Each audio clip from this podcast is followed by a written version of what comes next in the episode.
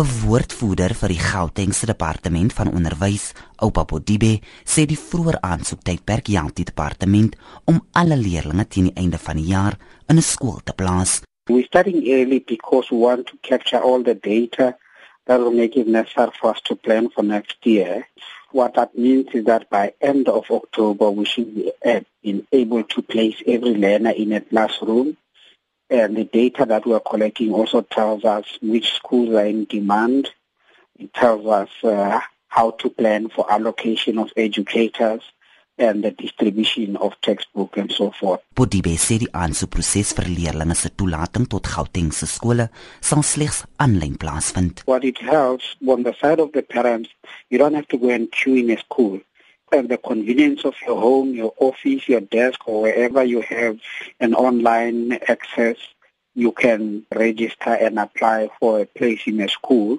But two, it provides a central database that gives us a bird's eye view of the demand for spaces, specifically this is for grade 1 and grade 8. Internetfasiliteite sal vir ouers wat nie internettoegang het nie by skole en distrikskantore beskikbaar gestel word.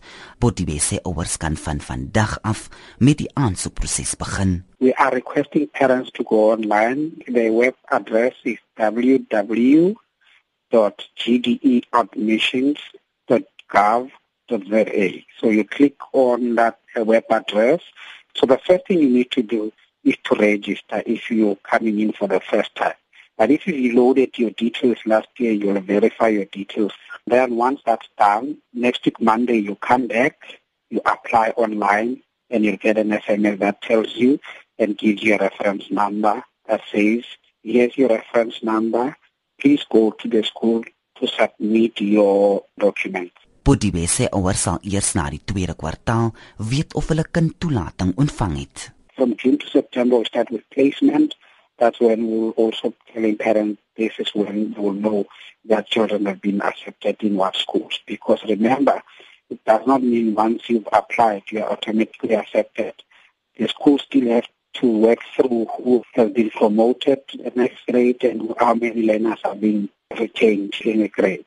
Bodibe sê die aansoekproses sal teen einde September sluit. Jean Esterhuizen, SABC nuus.